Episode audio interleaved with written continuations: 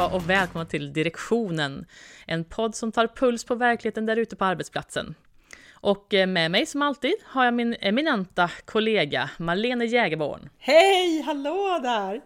Du Ann-Sofie, har du tänkt på hur annorlunda våra röster låter för oss själva när vi spelar upp dem? Ja, men jag, ja. Alltså jag kommer ihåg när jag lyssnade på mig själv första gången på den här podden, så fick jag liksom nästan sådär lite ångest. Jag hade verkligen svårt att lyssna för det lät så annorlunda mot vad det låter inne i mitt huvud. Men så tyckte jag... Alltså du börjar alltså, du börjar alltså podden med att prata om ångest, ja, det första du gör? exakt, jag måste dela det här med lyssnarna för det var verkligen jobbigt. Jag har delat det med mina, mina vänner redan och eh, men så sa du till mig så här, ja men du låter ju helt normal och så sa jag till dig, ja men du låter helt normal. Så att vi får bara gilla läget helt enkelt. Vi, vi låter så här, inte för oss själva men, men för alla andra. Ja, jag kan säga att jag har ett enkelt tips för den som har lite noja kring sin egen, och höra sin egen röst och det är att starta en egen podd och sätt dig och redigera skiten själv. För då har du lyssnat på dig själv typ så 500 000 gånger, då orkar du inte bry dig längre till slut, jag lovar. Så, Good advice! Ja, det är bara, ja, det är bara att acceptera, så här låter vi bara, helt enkelt. Ja, vad, har vi, eller brista. vad har vi för tema idag då Ann-Sofie? Jo, idag är det dagens tema den klämda mellanchefen. Eh, Oj. Det är ju intressant. Vi pratar ju om mellanchefer som någonting negativt. Förhoppningsvis finns det ju en hel del positivt med att vara mellanchef också. Men vi kommer att ta upp lite dilemman kring eh, rollen som mellanchef. Ja, jag kan verkligen själv identifiera mig med den rollen och, och, och vet exakt hur det känns att vara en klämd mellanchef. Ja, det är så ja. ja. Jag tror de flesta av oss, om inte man går direkt från skolan rakt in på VD tjänsten så, så är det nog många av oss som känner igen oss i den mellanchefsrollen tror jag där ute, eller hur? Ja, absolut. Och eh, som du sa, du nämnde ordet dilemma i, i den rollen och det finns ett antal sådana som vi, som vi tänkte lyfta idag faktiskt. Mm. Den klämda mellanchefens dilemma. Precis. Och det är det som är problemet när man är eh, mellanchef, att man har ju ansvar och är ledare för flera medarbetare oftast. Och sen så rapporterar man också till en egen chef. Så att eh, mandat och handlingsutrymme är ju begränsat och man måste anpassa dem beroende på vilket håll i, i kedjan man ska, ska leda så att säga. Ja, gud, ja visst, visst är det så. Och jag, jag satt och tittade, tittade igenom lite undersökningar och, och för att få koll på hur, hur mår cheferna egentligen i Sverige. Och, och det är ju väldigt nedslående att, att ta del av den här statistiken. Eh, men det är också viktigt att, att lyfta på, tycker jag, och mm. vad lämpligare än i podden Direktionen att lyfta hur chefer mår. Eh, bland annat så vill jag, ja, så vill jag hänvisa till, till en undersökning som eh, har gjorts av Previa mellan 2014 och 2019. Det är alltså före pandemin det här. Mm. Eh, och när de började 2014 så låg den arbetsrelaterade psykiska ohälsan, alltså antal sjukdagar, låg på 28 dagar per 100 chefer och år. Oj. Och sex år senare, alltså 2019, så hade det ökat till 78 dagar per 100 chefer och år. Det är en tredubbling i princip. Oj, oj, oj. Ja, det var ja, oroväckande. Precis. Verkligen! Och de största orsakerna till det här ser man är ohanterlig stress och eh, sömnsvårigheter. Jaha, usch då. Ja, det var lite... Det var lite oroväckande statistik helt klart att det går åt, verkligen åt fel håll, att det eskalerar åt fel håll egentligen. Mm. Galopperar och samtidigt, ja, samtidigt så kan man se att sjukskrivningarna går ner, korttidssjukskrivningarna går ner. Mm. Och det här tolkar man då på att man väljer helt enkelt äh, som chef att inte korttidssjukskriva sig utan man jobbar fast man egentligen är sjuk och så mm. tär man på sina marginaler.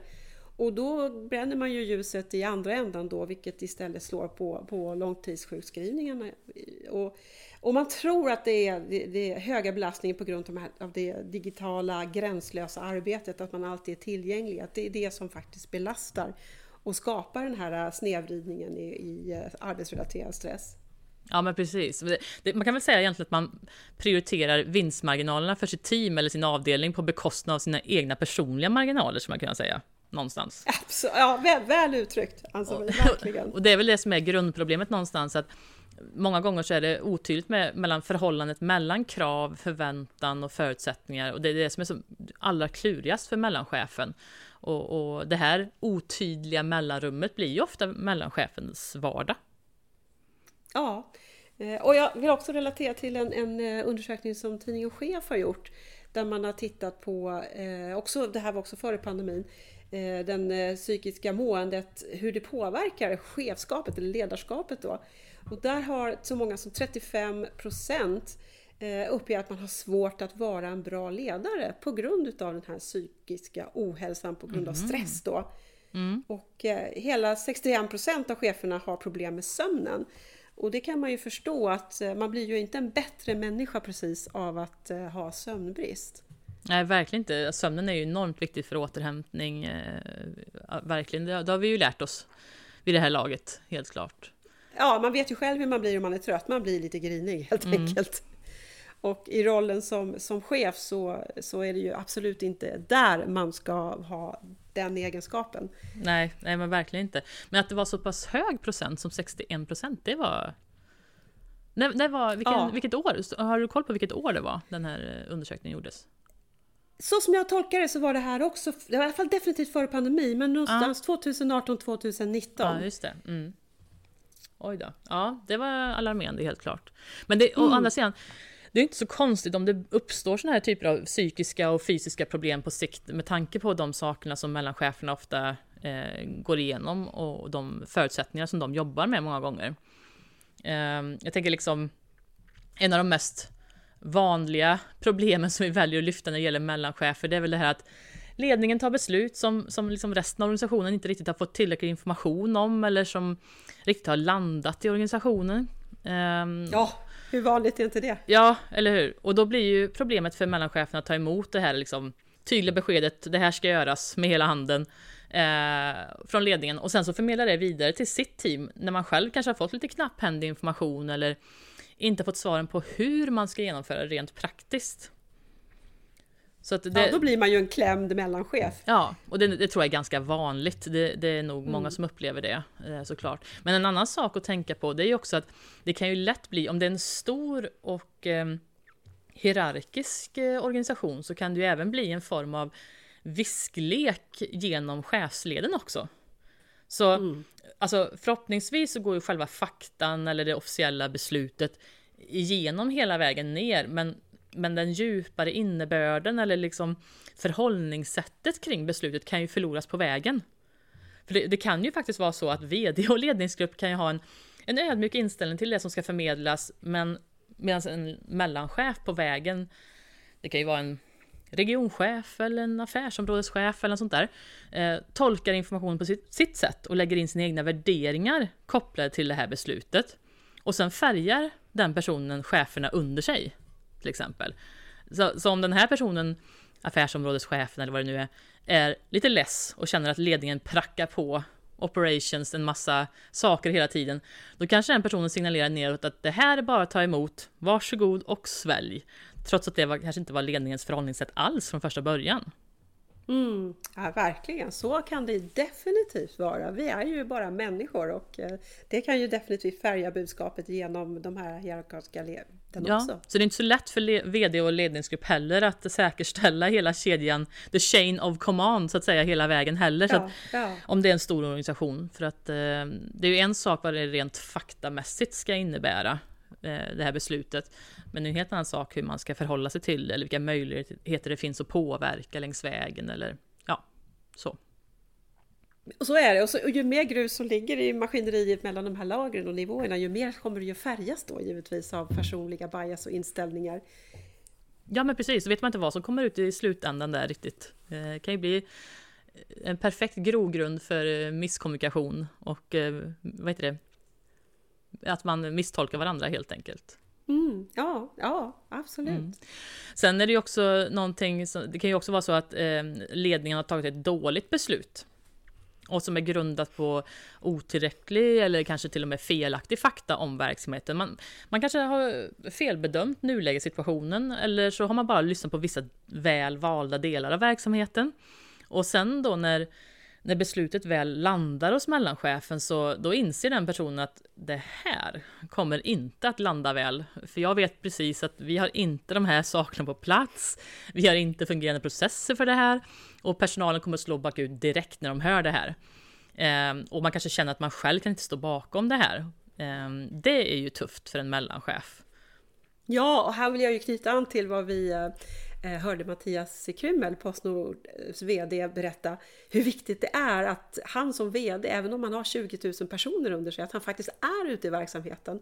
Ja men verkligen. För att det hjälper, ja, det hjälper ju cheferna eh, som är under honom som också ska föra vidare budskapet att eh, skapa förståelse för hur det här ska gå till. Mm. Ja men verkligen att man är där ute och är tillgänglig och ser till hela tiden att förstärka budskapet hela tiden i vardagen. Det tror Exakt. jag är jätteviktigt. Och ta emot det som kommer också ifrån medarbetarna och, ja. och liksom svara upp mot det, lika viktigt. Ja, för att det, det blir ju väldigt tydligt om, om medarbetarna uppfattat på ett visst sätt och det var inte det som var tanken från första början. Eller man faktiskt kanske er, inser att vi har varit lite otydliga här, eller vi har inte tagit hänsyn till de här faktorerna som faktiskt spelar roll i slutändan när vi väl ska implementera det här. Mm. Så det är, ju, det är ju verkligen viktigt. Mm. Eh, så jag kan, jag kan förstå, det är inte några roliga siffror, men jag kan förstå att det är blir problem eh, med den här typen av eh, stresssymptom om man lever i en sån här situation under en längre tid. Då blir det ju fysiska mm. och psykiska symptom till slut. Ja, och jag hittade faktiskt lite siffror också. Det, det, pågår ju mycket forskning om det här nu, vad pandemin det har påverkat givetvis. Men det har börjat komma lite siffror på det i alla fall. Mm. Eh, och eh, med tanke på just med chefens hälsa då. Eh, och vad har man sett då under, under pandemin? Jo, man har sett att eh, smärta har ökat till exempel, alltså verkande nackar och rygg för att mm. vi kanske inte sitter lika bra som vi gör Nej, på sant. våra kontor. Så är det vi kanske inte har de förutsättningarna rent fysiskt. Nej men det kan jag verkligen skriva under på. Jag sitter själv på en jättesnygg antik stol som jag inhandlat på en av mina vilda auktionsresor som jag gör. Den är inte alls ergonomisk, den är skitsnygg, men den är inte jätteskön att sitta på. Men då andra sidan så då reser jag mig upp och rör på mig lite grann emellan oss för att jag sitter inte så skönt. Ja men precis, och det var också någonting som kom fram här att eh, det har också lett till försämrad kondition och minskad muskelstyrka för att man sitter mer still när man sitter hemma och jobbar. Eh, på kontoret så behöver man förflytta sig över större ytor. Mm. Eh, så det har man också kunnat eh, se att det har blivit sämre. Men det finns också några positiva effekter som har redovisats för just, för just chefer då. Eh, och det är att man sover bättre på nätterna. Jaha. Eh, en fjärdedel av alla chefer märker också att stressnivån har sjunkit faktiskt. Eh, när man har behövt, behövt flytta kontoret till bostaden. Och eh, det som man har fångat upp då som, som, som orsaker till det här, det är det, dels så har man ju sluppit restiden och det är ju inte bara chefer, men det påverkar ju chefer också. Men man har också sett att det har lett till kortare effektivare möten. Och samtidigt så kan det ju vara så att de här stora strukturella frågorna som väldigt tar, tar väldigt mycket tid och energi, de har liksom skjutits upp. För att det har inte varit någon idé att ägna sig åt dem under, under pandemin, för man har fått kanske jobba mer med att på andra, fokusera på andra delar och andra saker. Just det, just det. Nej men det, det är sant. Det, jag tycker det är intressant med de här eh, undersökningarna som handlar om just arbetsmiljö under pandemin och efter pandemin. För att jag tycker det är faktiskt, jag vet inte vad du tycker, men jag tycker det är svårt också att utläsa någon slags facit i det här. För att det är ju så enormt olika, så man har nästan inte riktigt så mycket nytta av statistiken längre känner jag. För att det är ju jätteolika. En del känner att åh vad skönt det har varit att jobba hemifrån och bara vara inne på kontoret någon gång ibland. Andra mår blir helt sönderdeppade av att inte vara inne på kontoret och träffa kollegorna. Eller blir totalstressade av att de har ungar och gubbar och, och fruar som jobbar samtidigt hemma och sådär. Och någon hund som ska ut och gå och sådär. Så det, det, är svårt tycker jag att göra någon slags ja, men, summera ihop vad egentligen varit positivt. Jag tror, jag tror att det kommer att bli så att många, eller det är väl redan så att många arbetsplatser får verkligen känna efter vad funkar bäst för oss och våra medarbetare. Visst är det så. Framförallt så har jag tittat lite grann på, men för att liksom få, få en, en dräglig vad ska vi säga, arbetssituation då och reducera stress och så.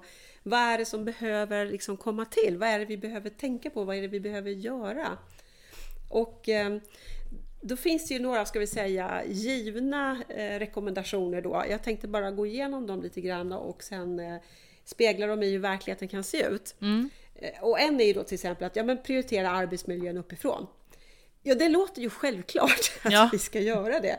Men hur lätt är det om till exempel min chef, om jag är mellanchef och min chef skickar mail till mig sent på kvällarna eller på helgerna. Mm. Eller på sin semester eller när hen vabbar. Mm. då, då blir det ju svårt för mig att inte göra samma sak, för då förväntar ju jag mig att det är ett beteende som är liksom en norm, som är Ja. acceptabelt om min chef gör det. Så då blir ju jag, liksom, då hamnar ju jag liksom som en klämd mellanchef då. Eh, och då behöver jag ju liksom filtrera att jag kanske inte gör det själv till mina medarbetare. Nej, precis. Eh, Men jag blir liksom, kan bli lätt klämd i det där. Eh, Och en annan sak som, som man kan höra då, det är ju till exempel att söka stöd och försöka till- se till så man får återkoppling och att man får hjälp med prioriteringar från sin, från sin chef. Och det kan ju vara så att chefen, alltså min chef kanske brister själv i detta. Inte klarar av att göra prioriteringar och inte klarar av att ge mig återkoppling. Eh, och, och då hamnar ju jag i ett väldigt svårt, eh, svårt läge. Därför att hur ska jag då få den, det stödet och den styrning som jag behöver för att leda mina medarbetare vidare? Ja men så är det verkligen. Det spelar ju otroligt stor roll hur ens egen chef är i de här situationerna. Så den, den Ja, fungerar som en det. god förebild så att jag kan se till att vara en god förebild och så ska det ju rassla hela vägen ner i organisationen är ju tanken. Ja, precis. Och framförallt så är det ju viktigt att titta på hur... En annan sak då som kommer upp som man, det är att man ska avlasta med administrativa uppgifter och se till så att man har rätt storlek på personalgrupperna. Ja, men hur, hur, ska jag som mellanchef kunna, kunna säkra att jag har Ja. rätt storlek på min personalgrupp? Eh, och det är ju i allra högsta grad en styrelsefråga mer kanske att titta på hur, hur eh, dels hur organisationen mäts men också hur organisationens eh, resurser allokeras. Eh, och, och det här kan jag ju relatera till själv då som mellanchef speciellt att när det var någon i min grupp till exempel som, som slutade, och det händer ju att folk slutar för att gå till andra arbeten, då var det ju inte så att jag direkt fick en ny eh, resurs på plats eller ens fick börja söka en Nej, ny resurs. det. Utan det var en ganska lång ledtid på kanske tre fyra månader att få okej på ja, du får söka, du får en ersättningsperson för den här resursen. Och därifrån då så är det ju en rekryteringstid som kanske tar två, tre månader. Personen ska sluta så att säga och ha uppsägningstid. Så totalt sett så kanske det handlar om åtta månader upp till ett år innan den här resursen är ersatt. Mm. Och då är ju gruppen underbemannad under den tiden. Ja, Så och det, det, jag tror också faktiskt att jag, jag, jag har faktiskt haft två personer under förra veckan som jag pratade om just precis det här dilemmat. Att när Ja. en medarbetare slutar, det kan ju även gälla eh, vanliga medarbetare som inte har en chef, ett chefsansvar, men att man eh, liksom, då ramlar de arbetsuppgifterna på den personen istället. Och, och så blir det helt plötsligt lite otydligt, vad är det egentligen som eh, behöver vi en resurs egentligen? För helt plötsligt så har ju någon burit det här eh, korset under tiden som den här Precis. personen har varit borta. Och då, det funkar jättebra tycker man kanske lite högre upp i hierarkin.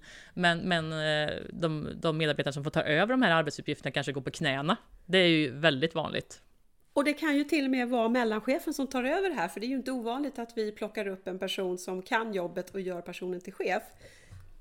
Nej. Och en anledning till det är ju givetvis att chefen då ska kunna hoppa in och ta jobbet om någon slutar. Exakt. Men det blir ju på bekostnad utav själva ledarskapet och att leda gruppen och utveckla gruppen. Ja, så är det ju. Framför allt om det här sätts i system.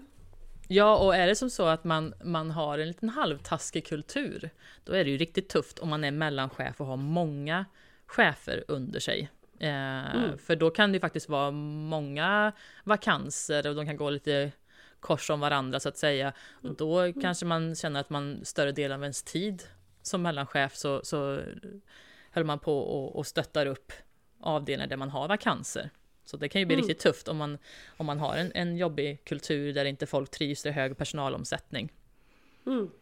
Så det är ytterligare en anledning till att försöka motarbeta en dålig arbetskultur och eh, försöka få folk att trivas och så, men det är ju lättare sagt än gjort ibland.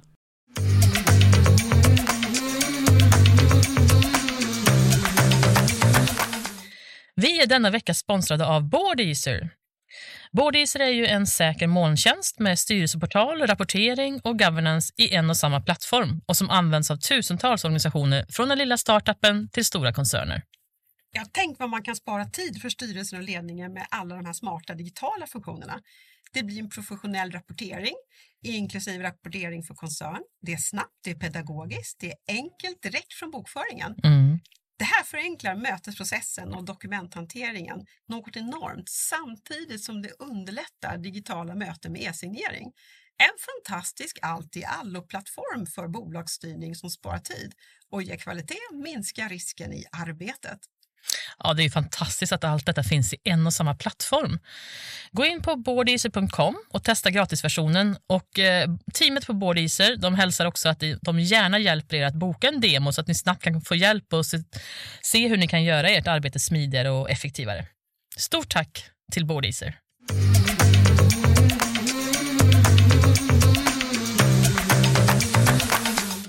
Ja, absolut. En annan klassiker är ju delegera och ge ansvar och befogenhet till medarbetarna. Ja, men i en hierarkisk eh, arbetsmiljö eller organisationsstil så är det ofta så att man delegerar ut ansvar men inte befogenhet. Ja, när de här två inte åtföljs så hamnar man verkligen i en omöjlig situation som mellanchef.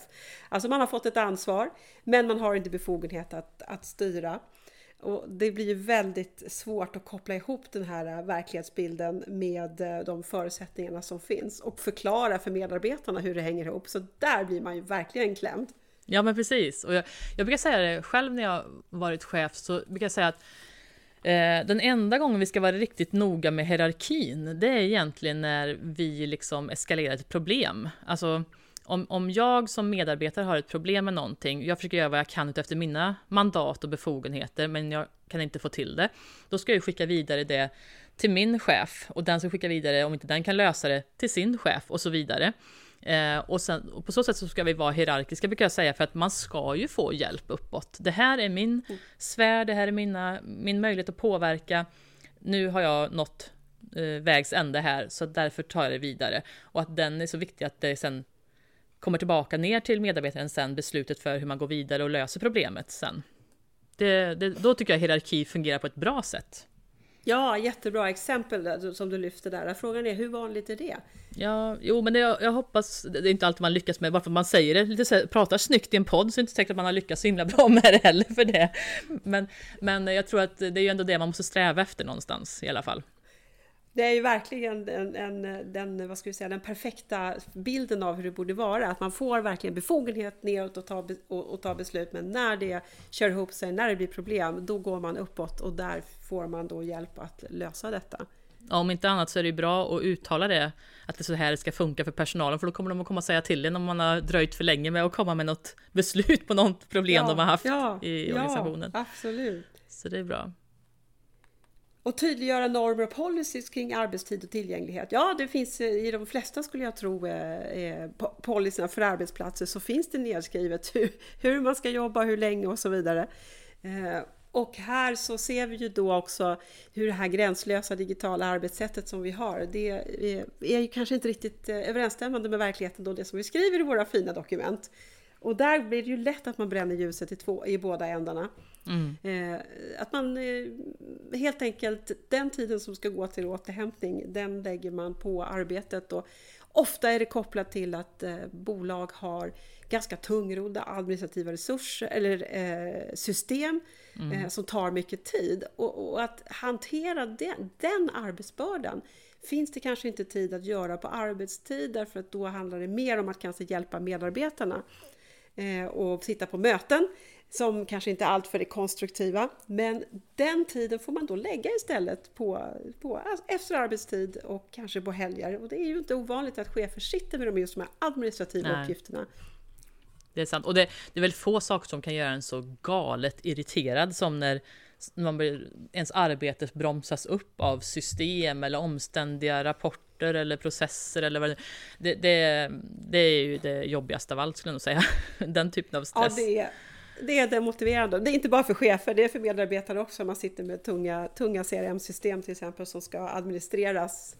Eh, ja. Eller andra system som ska administreras bara för att administrera. Det skapar egentligen inget värde för kunden. Nej. Eller när man ska skriva ut papper från skrivaren som du skulle göra innan mötet här idag och det inte gick så bra. Precis, och den hängde sig. Några svordomar senare så kom det ut. Ja, och lite frustration. Men precis, det, kom, det, kom, det, det gick till slut. Men eh, det, där var ju jag liksom ensam med min frustration, ja. så jag kunde låta den komma, få blomma ut i sin fulla prakt. Det kan ja. man ju inte riktigt göra på kanske kontoret. Nej, det är och sant. framför allt inte som chef, då får man hålla den inom sig istället. För att ja, vara ett gott verkligen. föredöme. Nej, men jag tänkte, eh, jag tänkte på, hade du något mer du skulle lyfta där om de, eh, vad man skulle tänka på? Ja, alltså en sak till som man också ja. kanske ser som, en, som ett sätt att komma runt det här eller hjälpa då, det är ju att titta på stöd och HR kring struktur och rutiner och processer, att alltså ta hjälp av HR. Mm. Eh, men det är ju inte säkert att HR har det manöverutrymmet, för det, man är ju ofta på HR låsta till de förutsättningarna som råder. Eh, och även där så är det ju inte egentligen någon hjälp i verkligheten om det formuleras väl i dokumentationen och i policies och så. Utan det är ju vad som de facto verkligen händer på arbetsplatsen som är det som, eh, som, vi, som vi lever med och eh, måste hantera. Ja, och jag har faktiskt eh, exempel från det när jag jobbat som konsult ute på en arbetsplats också, där det var problem faktiskt med en mellanchef som kände att eh, mellanchefens chef sa till den personen att eh, du, om, du behöver inte jobba enligt eh, vad HR har sagt här, utan eh, bortse från HRs riktlinjer här, utan vi har problem med att det här, de har inte, de, de har inte tänkt till ordentligt kring det här, och, så att säger de någonting om det här, så, så ignorera det bara. Och, och där har man ju också den typen av, av situation där man blir klämd som mellanchef, man ser att okej, okay, jag ska göra som min chef säger, men HR har väl av någon anledning tagit fram det här dokumentet eller de här processerna eller vad det nu är man ska följa. Eh, och då känner man ju kanske så nästan lite, vart ska min lojalitet ligga? Ska den ligga hos min chef som säger åt mig gör så här? Eller ska den ligga liksom i företaget när, när kanske till och med ledning och HR har gått ut med så här ska vi jobba, så här är riktlinjerna. Och så kommer min chef säga du, glöm det, tänk så här istället det är ju jättesvårt då att veta liksom hur, vad, hur agerar jag professionellt här och eh, hur gör jag mitt jobb på bästa möjliga sätt så inte jag kommer i kläm eller det kommer fram helt plötsligt att jag kör något eget race här. Ja, och gud, det här som du nämnde nu med dubbla budskap, hur, hur, hur knepigt det kan bli alltså. Mm. Verkligen, när man, när man som chef, eh, om det kommer dubbla budskap från olika håll. Eh, det blir ju en lojalitetskonflikt givetvis i det då. Eh, och jag har tänkt på det där med eh, olika typer av chefer också och faktiskt också titta lite grann på min chefs eh, ambition om man säger så. Om jag är mellanchef så, eh, så finns det ju, kanske jag har en sån chef som är den superambitiösa chefen. Det vill säga chefens egen agenda är viktigare än företagets agenda. Och då har man ju lite problem. För det här, det här är en sån typ av chef som i sin tur vill framstå som utomordentlig i sin chefs ögon, eller ledningens och sådär. Och då är ju den personen mer mån om att leverera resultat som ser bra ut för den. Det är kanske en person som älskar att jaga titlar eller ja, väldigt karriärinriktad. Mm. Och det behöver inte betyda att resultaten som man har fått fram beror på hållbara eller långsiktig leverans på sikt. Utan man kan ju faktiskt ha krystat fram kortsiktiga resultat som man vill stoltsera med inför ledningen. Och, och, eh, ja, den kanske bara vill bidra till att få liksom, presentera sina fina siffror för försäljningschefen eller att kvartalsrapporten ska se bra ut inför aktieägarna eller vad det nu är. Och, och tyvärr så funkar ju den, den typen av strategi ofta för att vi människor är ju sådana att vårt första, alltså vi, vi präglas ju av vårt första intryck av en person. Eh, man kallar det för, för haloeffekten brukar man ju säga. Eh, det vill säga om du har fått ett positivt intryck av den här personen så har du en tendens att tillskriva den personen ännu fler positiva egenskaper än vad man faktiskt känner till hos personen. Mm. Eh, och det är ju perfekt att, att lyckas få in lite halo-effekt hos VD när man är ny som chef, för då, då ser det bra ut. Då har de alltid ett gott öga till en. Eh, och, och, så. Det finns ju djävulseffekten också kan man säga, som är precis tvärt emot, men den vill man inte råka ut för. Det, det är åt andra hållet så att säga. Att man drar till sig negativ karma typ? Ja, ja, men jag tänkte bara på att anknyta an till vad du sa alldeles eh, nyss där Ann-Sofie, det här mm. med att, eh, eh, att man suboptimerar.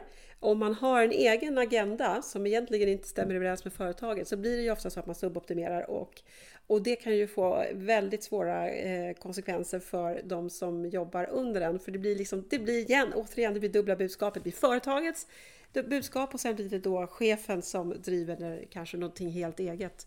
Och det kan ju ställa till det verkligen. Ja precis och, och, och eh, är du mellanchef och din chef är ny så är det ju klart att den personen med all rätt är ju mån om att prestera i sin roll såklart som ny, nyanställd och så. Men det är viktigt att det är hållbart och inte bara pressa liksom teamet till sin maxgräns och sen när den här ambitiösa chefen har gått vidare i karriären så är då mellanchefen kvar med sitt team som är helt slutkörda och demotiverade. Det får ju inte hända. Då har vi en klädd mellanchef igen. Ja, det har vi. Ja. Och. Eh, jag har, jag tänkte säga om, om, om eh, det gäller att omvända så är det också en intressant ehm, eh, situation för att det kan ju faktiskt vara så att eh, din chef är väldigt omotiverad. Den kanske till mm. och med ja, vill bort eller börjar snegla på andra jobb eller, eller ännu värre kan man väl säga, väntar ut pensionen genom att sakta men säkert bli mer och mer passiv och liksom tyna bort i takt med att pensionsdagen närmar sig. Um, och den här chefen är oftast väldigt omotiverad till att ta tag i problem som den borde ta tag i. Om, om man till exempel, om jag ehm, är en mellanchef och, och vi har, vi är flera chefer som har en gemensam chef, liksom. vi har en egen chefslinje så att säga. Och det är en av mina chefskollegor som inte presterar eller agerar felaktigt eller liknande. Då finns det ju stor risk att det inte leder till några konsekvenser alls. För att eh, mm. våran chef inte orkar ta tag i saker och ting. Eh, de orkar inte ta tag i processen med att ge varningar eller starta en handlingsplan för den här, för att det är jobbigt och så vet de, precis som du var inne på förut, att oh, det kanske blir en glitch emellan de här posterna, då måste jag gå in och axla det ansvaret för den avdelningen också. Och det orkar man inte riktigt. Så den här omotiverade chefen, den tar hellre att det blir löpande problem i verksamheten eller i sina team som man då sköter lite halvhjärtat eller skjuter framför sig utan att liksom ta tag i problemet på riktigt. Men, det är lite det blir... som, som eh, låt gå-mentalitet kan jag tycka, ja. det du beskriver. Och det, det har jag läst någonstans, att det är liksom den värsta formen. Det är liksom värre än till och med mikromanagerande. Just det här mm. låt gå-ledarskapet. Att eh, liksom, det blir inga konsekvenser, det blir ingen tydlighet, det blir liksom ingen uppföljning, utan det får bara gå helt enkelt. Mm.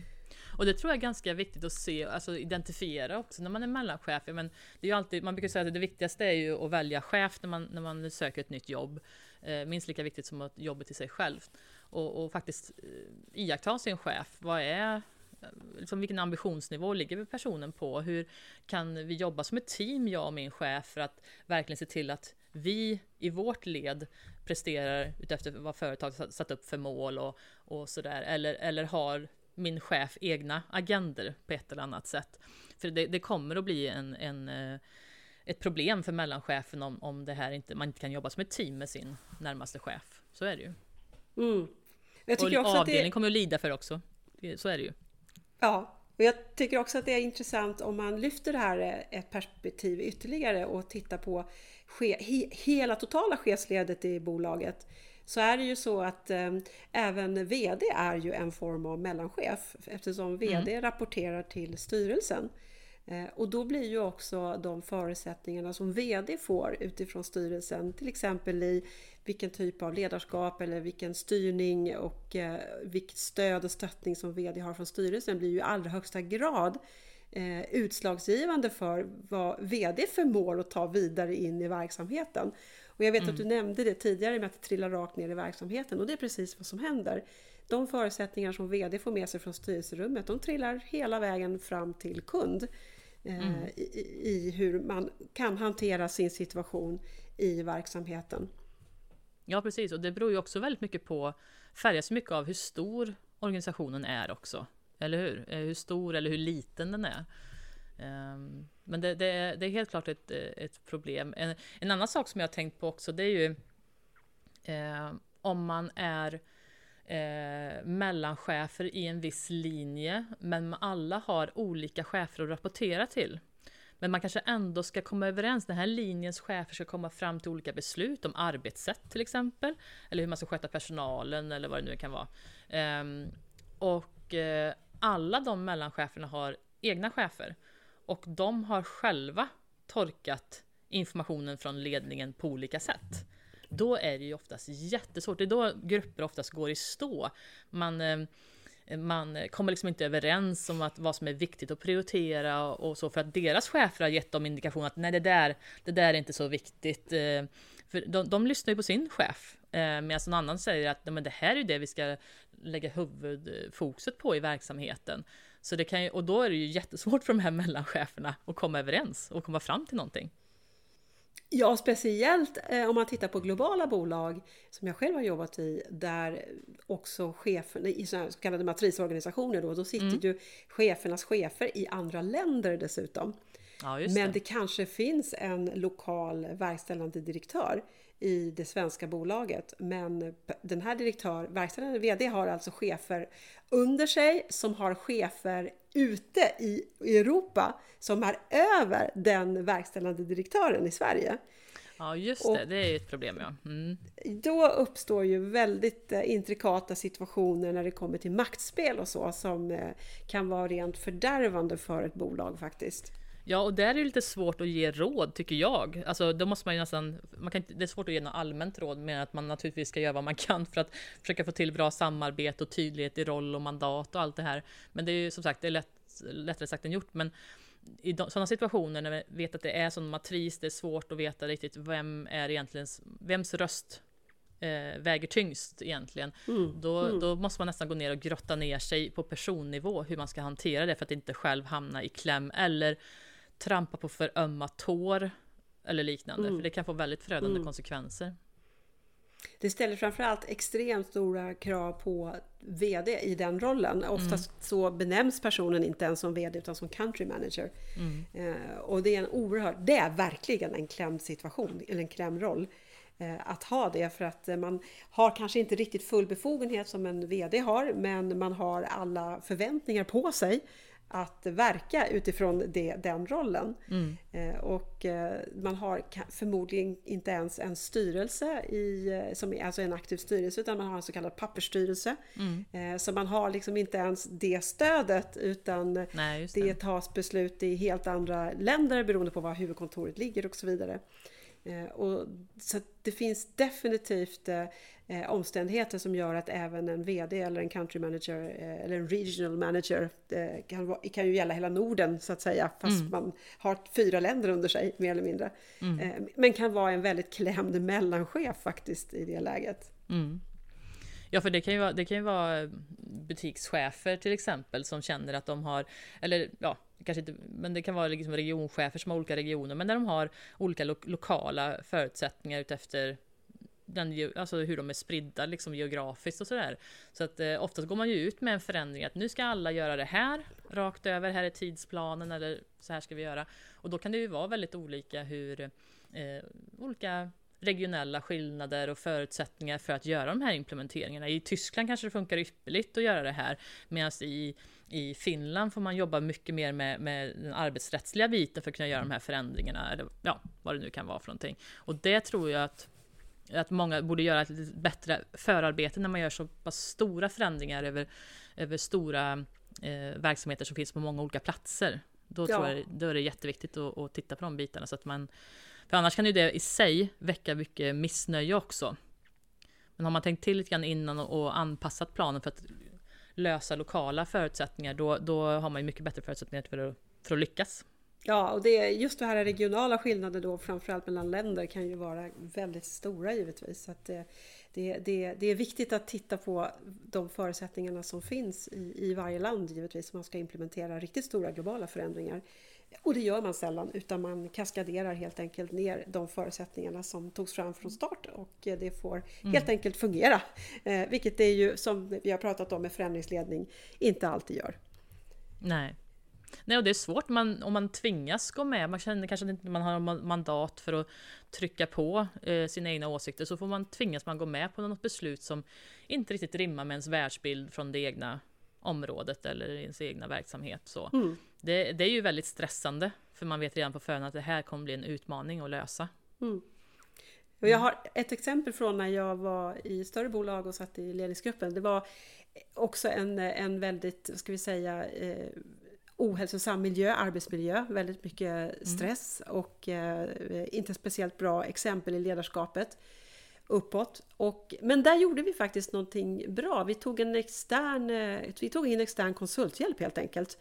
Eh, för att träna oss i coachande ledarskap och förhållningssätt till varandra och så vidare. Och vi befann oss kan man säga i en konstant rollsökningsfas så det gick ju åt extremt mm. mycket energi mellan cheferna att, eh, att hitta sina roller och liksom hitta samarbetsformer och vi nådde egentligen aldrig fram för det fanns inte det fundamentet helt enkelt i, i bolaget. Nej. Men när vi fick liksom hjälp utifrån så kan man säga att vi kom, vi kom aldrig till samverkansfasen men vi kanske landade ändå i, i idyll, alltså där man liksom faktiskt börjar acceptera varandra och se varandras styrkor och, och liksom börjar känna liksom hopp i att faktiskt samarbeta tillsammans och göra någonting bättre tillsammans.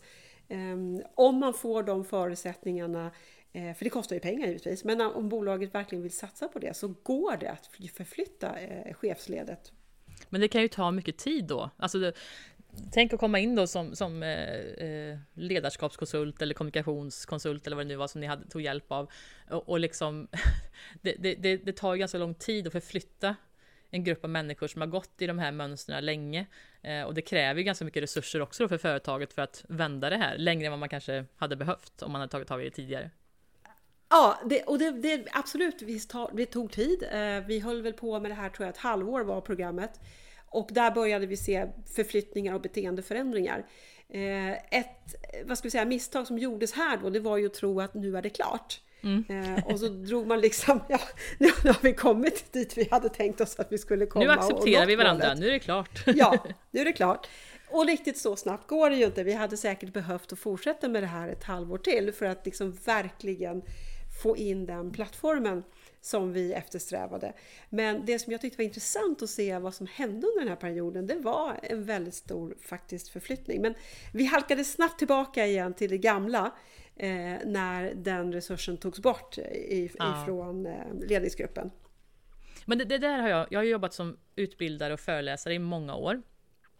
Inte så mycket på senare år, men nu börjar jag komma tillbaka lite grann igen. Men jag ser det, det är så himla tydligt att det är många som tar in och, och tänker att det är en liten quick fix eller det ska vara en bra stimulans för medarbetarna. Men eh, det, det ska ju bli någon, någon, eh, någonting som sitter kvar i verksamheten på ett eller annat sätt, så inte bara blir de här eh, peppiga, inspirerande utbildningen som sen inte lever kvar eller går vidare liksom i organisationen. Det är ju, det är ju väldigt vanligt att man ehm, att beställarna inte riktigt är medvetna om vad det här ska leda till på sikt. Är det en inspirationsföreläsning så visst, då kan man skratta och ha lite kul ihop och så får man en skön känsla för stunden. Men om man ska hålla jobba med utbildningar så måste det bli någonting som, som eh, sätter spår i verksamheten. Om det så bara är ett litet spår. Så... Eh. Och här är det ju så viktigt att då högsta chefen är den som faktiskt leder detta och går liksom i bräschen och verkligen tillämpar det här. Därför att det är ju den personen som sätter exemplet mm. för och blir förebilden för vad som blir den nya normen och nya beteendet. Så det egentligen det viktigaste är ju att den personen verkligen eh, tar till sig och använder det här nya. Ja, och jag tänkte knyta an till det du sa innan det här med, med eller vi pratade om utbildning, kompetens och sånt där. Att det är ju positivt tycker jag med kompetensskillnader i en, en chefsgrupp. För då blir det liksom en bra mix av erfarenheter och, och input och sådär. Men om kompetensnivåerna är väldigt olika mellan cheferna i ett chefsled, ett mellanchefsled, då kan det också bli ett jättestort problem i organisationen för, och arbetet blir väldigt ineffektivt för att man är på så olika nivå och kanske har olika affärsmognad eller förståelse för, för olika saker eller erfarenhetsmässigt. Eh, har man en, en, en um, duktig chef över den här gruppen så kan man naturligtvis börja jämna ut de här skillnaderna. Men, men eh, det har jag också sett på en del arbetsplatser att kompetensnivåerna är väldigt, väldigt skilda i, i samma chefslinje. Och då blir det väldigt svårt för dem att nå varandra, få utbytet som de behöver, dela erfarenheter, utan då börjar folk köra lite sitt eget race. Och, och man kanske till och med eh, trampar, på, trampar på någon och går förbi någon och tar egna beslut och lite sånt där. Så det är en grej jag tänkt på också, som, som ofta drabbar mellancheferna. Så en del vill utvecklas och är jättedrivna, andra kanske har lite andra eh, liksom utmaningar i sin, i sin ledarroll. Ja, och här, det är väldigt tydligt också att här är man ju ofta i den här eh, eh, rollsökningsfasen. Mm. När man har de här olika kompetensnivåerna i, i chefsledet också. Mm. Så summa summarum då så, så kan man ju säga så här att eh, jag hör ibland att det klagas mycket på cheferna. eh, Men jag kan säga så här att jag har mött väldigt få som, är, som inte är bra chefer. Det är inte där skon klämmer.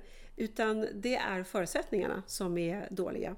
Så att väldigt många av de chefer som, som, som eh, mår dåligt idag och som tycker att de inte kan eh, göra sitt jobb så som de önskar. De kan egentligen det.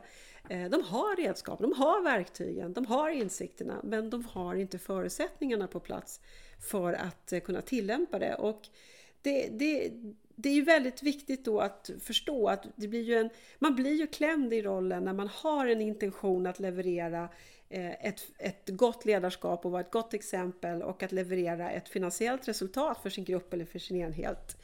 Men man får inte förutsättningarna och det kan vara bristande befogenhet, att man inte får ta besluten, eh, att man är tvungen att lägga väldigt mycket av den tid man ska lägga på återhämtning på att istället arbeta. Eh, då blir det en väldigt svår situation. Eh, och det kommer sannolikt inte att bli enklare av att vi jobbar en hel del hemifrån. Vi hör redan nu chefer som ropar och vill ha tillbaka sina medarbetare för att man inser att det faktiskt är lättare att leda när man träffas fysiskt. Men den tiden är förbi. Vi kommer att behöva att eh, leda både på distans och eh, med fysisk närvaro. Eh, och det ställer ju ytterligare krav givetvis på, på ledarskapet och ytterligare ska säga, risker för chefen att bli den klämda mellanchefen. Eller vad säger du Ann-Sofie? Jo, visst är det så. Eh, men jag tror att mitt råd om man känner sig klämd som mellanchef, det är ju egentligen det som gäller för alla medarbetare, oavsett vilken position man har egentligen. Man får försöka göra sitt bästa för att eh, göra sin röst hörd och, och påtala möjligheter med förändrade beteenden eller rutiner eller arbetssätt utefter sin, sitt mandat och sin, sin förmåga egentligen att kunna påverka.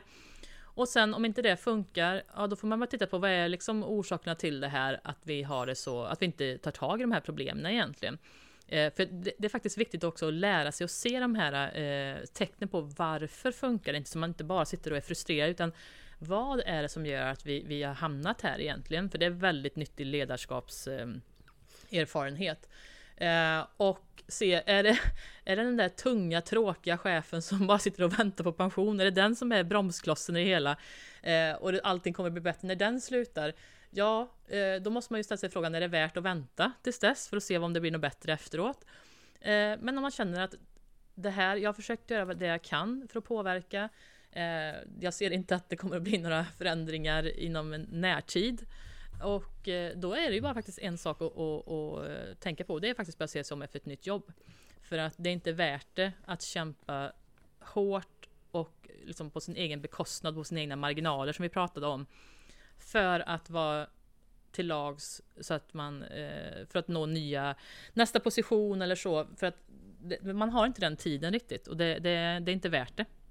Det, det, är inte värt det och här vill jag ju definitivt eh, göra ett medskick till styrelserna runt om i, i våra bolag att tänk noga igenom vad det innebär det ledarskap och det stöd och stöttning som ni tillhandahåller till VD för att det är faktiskt så att det trillar rakt ner i organisationen, i verksamheten och som vi har pratat om redan, det trillar ända ut till kund.